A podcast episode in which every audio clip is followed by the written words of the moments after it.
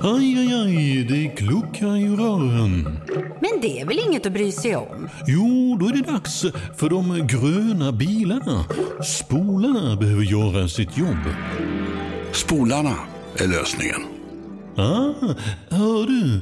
Nej, just det. Det har slutat. Podplay. Statsministern talade om NATO-medlemskapet och polisen lägger ner utredning om springnota, hänvisar till inkasso. Det handlar om i TV4-nyheterna med Mikael Klintevall i studion. Ja, vi börjar på Folk och Försvars rikskonferens i Sälen där statsminister Ulf Kristersson höll tal idag och likt ÖB tidigare på dagen så ville han förbereda medborgarna. Ytterst handlar det om att med vapen i hand och med livet som insats försvara Sverige, våra värderingar och vårt sätt att leva. Inte mer och inte mindre. Medborgarskap är inte en resehandling.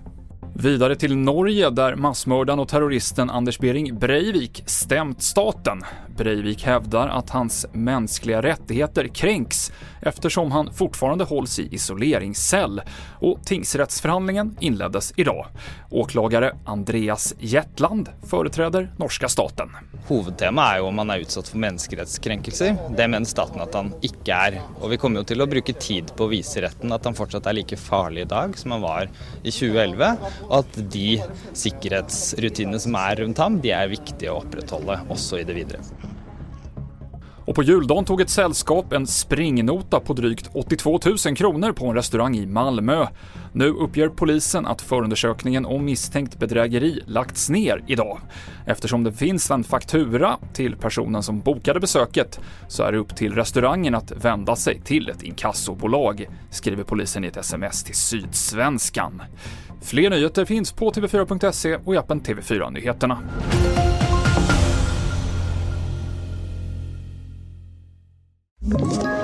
Ett poddtips från Podplay.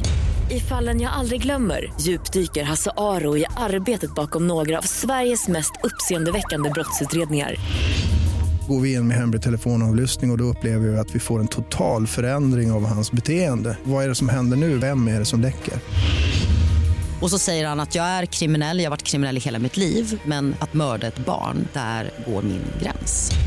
Nya säsongen av Fallen jag aldrig glömmer på Podplay.